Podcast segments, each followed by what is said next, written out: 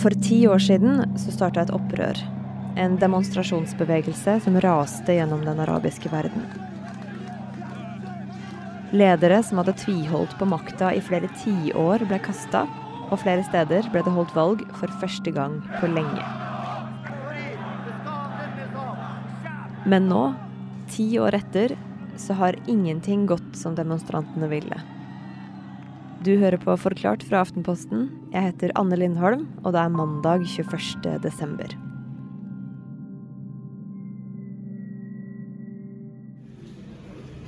På markedet i den lille byen Sidi Bouzid i Tunisia er det fullt av mennesker og salgsboder.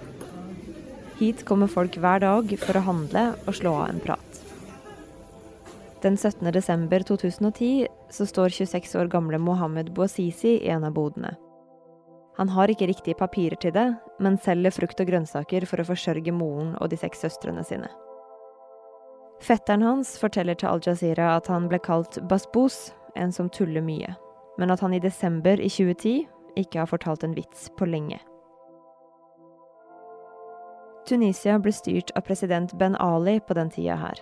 En mann fra militæret som hadde hatt makta siden 1987.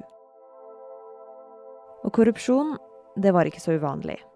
Og politiet, som ofte kom innom boden til Mohammed Bouazizi, pleide å be om bestikkelser for å overse at han mangla papirer. Fikk de ikke det, så konfiskerte de vektene og varene hans. Og det gjorde de også på denne dagen, 17. desember i 2010. Så Bouazizi han gikk til guvernøren for å klage og få tinga sine tilbake. Men han fikk ikke engang komme inn i bygningen. Og på trappa utafor så satte den 26 år gamle mannen fyr på seg sjøl. Den brennende Mohammed Bouazizi utløser et stort opprør. Og en måned senere så må president Ben Ali rømme landet. Svært spent i Tunisia også i dag. Skyting på åpen gate. En outbreak av protester i Tunisia Saturday natt, after raids av government. Politikerne strever med å få kontroll over situasjonen som har oppstått etter at presidenten reiste fra landet og regjeringa ble styrta. Jørgen Lone, som var Midtøsten-korrespondent for Aftenposten da, han dro til Tunisia i januar i 2011. Og da var allerede opprøret i gang. Men situasjonen var ikke bare spent i Tunisia. For det her opprøret, det spredte seg fort. Og ifølge Jørgen så var det særlig ett begrep som han mener bidro til det. Å bryte gjennom fryktens mur. Fryktens mur var ifølge Jørgen bygd opp av undertrykkende og autoritære regimer flere steder i Midtøsten. Innstiller frykta i, i, i eh, borgerne på en sånn måte at de ikke tør ytre seg, ikke tør protestere. Denne muren var det som ble eh, brutt igjennom under det som var den arabiske vår. Opprøret spredte seg i større eller mindre grad til Jemen, til Syria, Libya, Egypt, Saudi-Arabia, Oman, Bahrain, Jordan, Kuwait og Marokko. Og Jørgen reiste rundt til flere av de stedene, og i februar 2011 så var han i Egypt. Tahrir-plassen er en eh, plass sentralt i Kairo, der eh, det tidlig ble Eh, avgjort av de som var regimemotstandere, at her var stedet man, måtte demonstrere. Det ble slått opp telt, og folk laga et lite samfunn der som fungerte. Det ble servert mat, og folk hadde eh, møter, holdt jeg på å si, om situasjonen. Og, eh, og, i tillegg så kom jo det mange dagdemonstranter eh, for å markere. Og dette pågikk uavbrutt. I mange uker hadde folket protestert og krevd at Hosni Mubarak, som hadde vært president i landet i 30 år, skulle gå av. Og under to måneder etter at Mohammed Bouazizi satte fyr på seg sjøl i Tunisia, så hadde protestene i Kairo ført fram. Det skjedde den 11. februar om kvelden.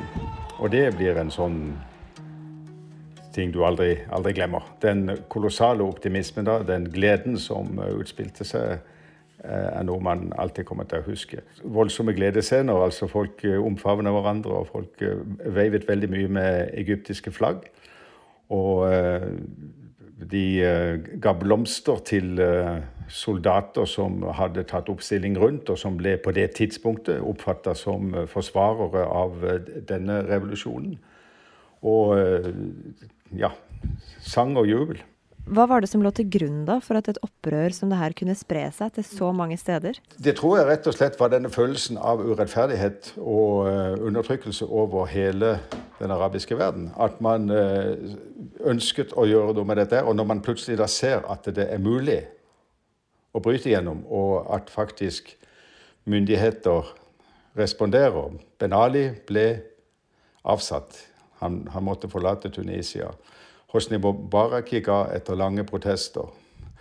Opprøret fungerte, så de i disse årene. Og, og det ga de optimisme og uh, frimodighet til å fortsette å protestere. Og den optimismen, den framtidstrua som det ga, var nok også deler av grunnen til at særlig vestlige medier kalte det for nettopp den arabiske våren. Budskapet, bilder og videoer spredte seg fort via sosiale medier, som jo var så nytt at regimene mange steder ikke kunne kontrollere dem enda. Folk hadde trua på at nå så skulle disse landene bli demokratier og rettsstater med frie valg og uavhengige domstoler. Da, da sto de omtrent i kø for, og, og ønsket å si Vi kan nå endelig tale fritt. Vi har ikke kunnet det så lenge jeg kan huske. Dette var eldre mennesker som kom og sa det til meg. Nå vil vi gjerne fortelle at vi har levd under et forferdelig diktatur. Nå har vi håp for fremtiden. Nå tror vi at dette skal gå veien for oss. En kolossal optimisme. En altfor stor, viste det seg jo. Når er det du skjønner at du begynner å gå andre veien? Altså, Det var mange tegn nokså tidlig, syns jeg. det jeg dekket jo den arabiske vår fra januar 2011 og så til Eh, sommeren tidlig høst 2013. Eh, og det betyr at jeg fikk akkurat med meg maktovertagelsen fra de militære i Egypt. Etter denne voldsomme optimismen som hadde rådet siden Mubarak gikk av. Eh, og via da et valg som var ganske fritt, og som førte til at islamistene fikk makten i landet. Eh, dette At islamistene fikk makten, var jo kanskje ikke noe som eh, stemte så godt overens med forhåpningene til de liberale kreftene, som jo hadde vært eh, veldig toneangivende i, i opprøret. Så dermed ble det en voldsom polarisering i samfunnet, og det lå plutselig veldig godt til rette for at de militære kunne gripe inn og, og, og ta makten igjen. Og det man vel følte at man ble vitne til da, var at det, det, nå gikk mot slutten av den arabiske vår. Og nå i ettertid så kan vi vel si at uh, fryktens mur på mange måter ble gjenreist sammen med andre stengsler for uh, folks frihetssøken.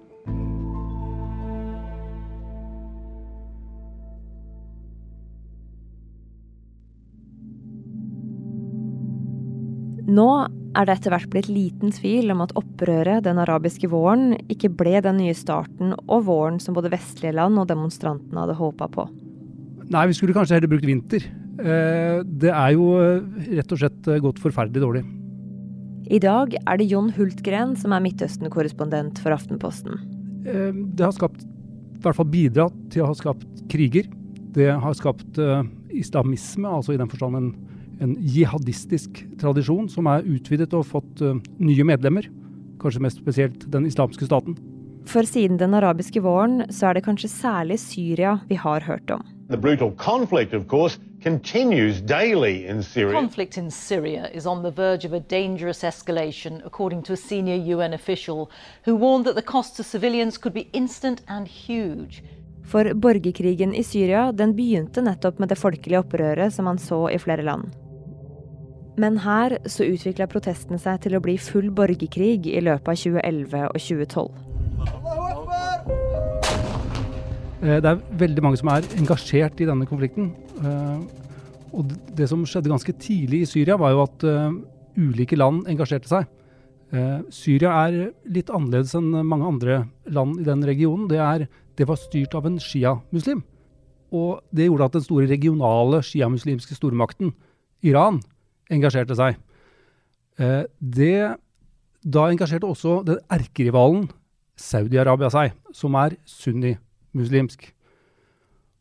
Og etter, etter, hvert så har det kommet flere og flere grupper eh, som er støttet, finansiert av mange ulike andre, land, andre land i regionen. Og det har skapt et lappeteppe som er helt umulig å holde oversikt over. Stormaktene Iran og Saudi-Arabia kriger ikke bare i Syria, men også i Jemen.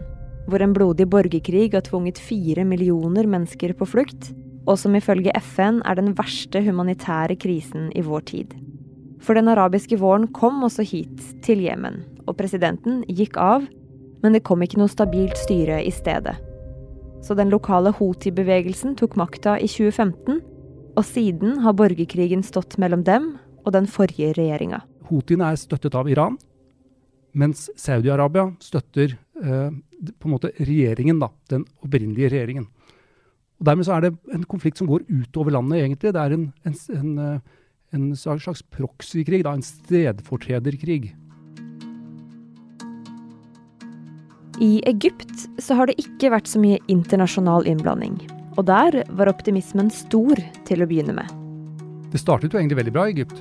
Eh, det ble jo valg i Egypt. Eh, og det er jo en demokratisk frihet som er få arabere forunt.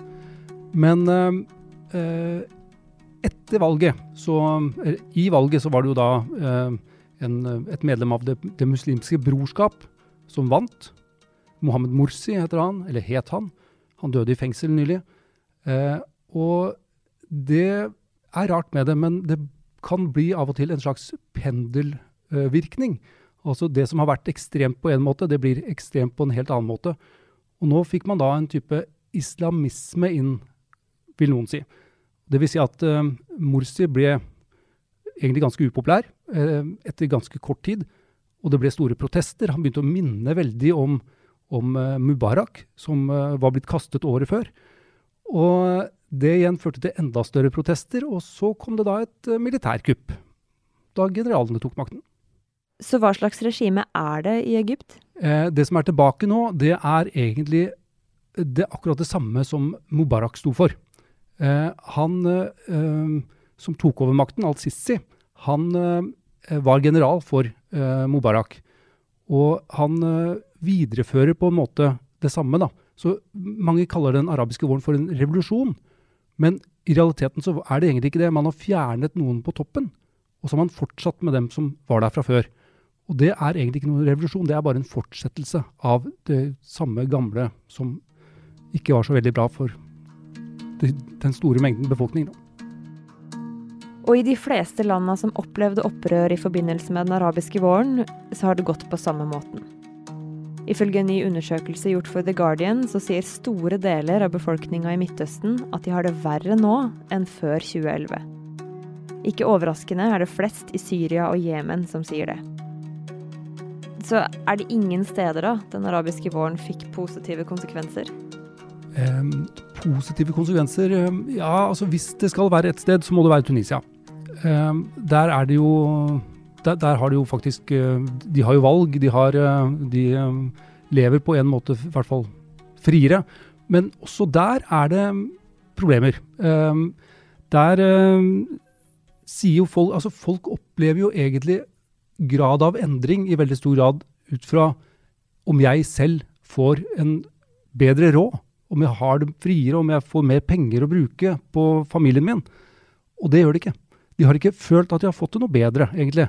Og dermed så er problemet egentlig det samme som det var. Det er, I Tunisia opplever de noe så sjelden som en slags diktatornostalgi.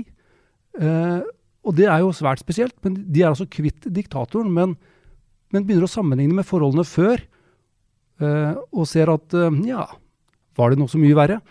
Eh, og det er jo en svært skummel utvikling for, for hva som skal skje videre der også. Eh, en av de mest populære politikerne i Tunisia nå hun, er, eh, hun, hun jobbet for den presidenten som ble kastet. Så hvorfor gikk det ikke? Hvorfor funka ikke den arabiske våren sånn som alle hadde trodd det skulle gjøre? Nei, si det. Det var, det var mye optimisme eh, for ti år siden. Men det, det, var vel mange som, som, håpet på litt for mye her. Vi, det, det er vanskelig å se for seg at en autoritær stat skal på en måte bare plutselig gå over til å bli noe demokratisk. Vi må huske på at den har jo ikke demokratiske institusjoner. Den har ikke en måte å kanalisere den nye, nye bevegelsen. Da. Og Hva slags institusjoner er det du mener da? Da tenker jeg på et, eh, et parlament, en lovgivende forsamling eh, som kan fungere med folkevalgte. Høyesterett eller et rettsvesen eh, som kan dømme uavhengig.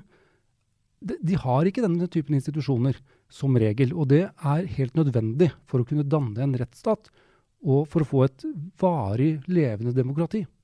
Og så For å også nevne eh, en ting til som mangler dessverre helt, og det er eh, uavhengig presse. For det også er helt nødvendig, og det, det har, er dessverre ikke disse menneskene forunt. Hva går det an å si om hvordan det vil gå med de landene som hadde disse opprørene under, under den arabiske våren? Det er veldig vanskelig å være optimist eh, når man ser på de ulike landene. Eh, det er på en måte det, De preges av krig. Konfliktene er bare blitt dypere. Eh, veldig mange er drept. Det skaper mer hat. Det er veldig vanskelig å, å se for seg en, en positiv løsning på dette.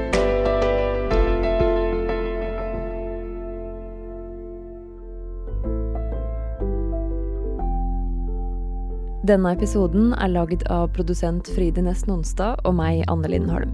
Resten av Forklart er David Vekoni, Marit Eriksdatter Gjelland og Caroline Fossland. Du har hørt lyd fra NRK, BBC, Al Jazeera, CNN og nyhetsbyrået AP.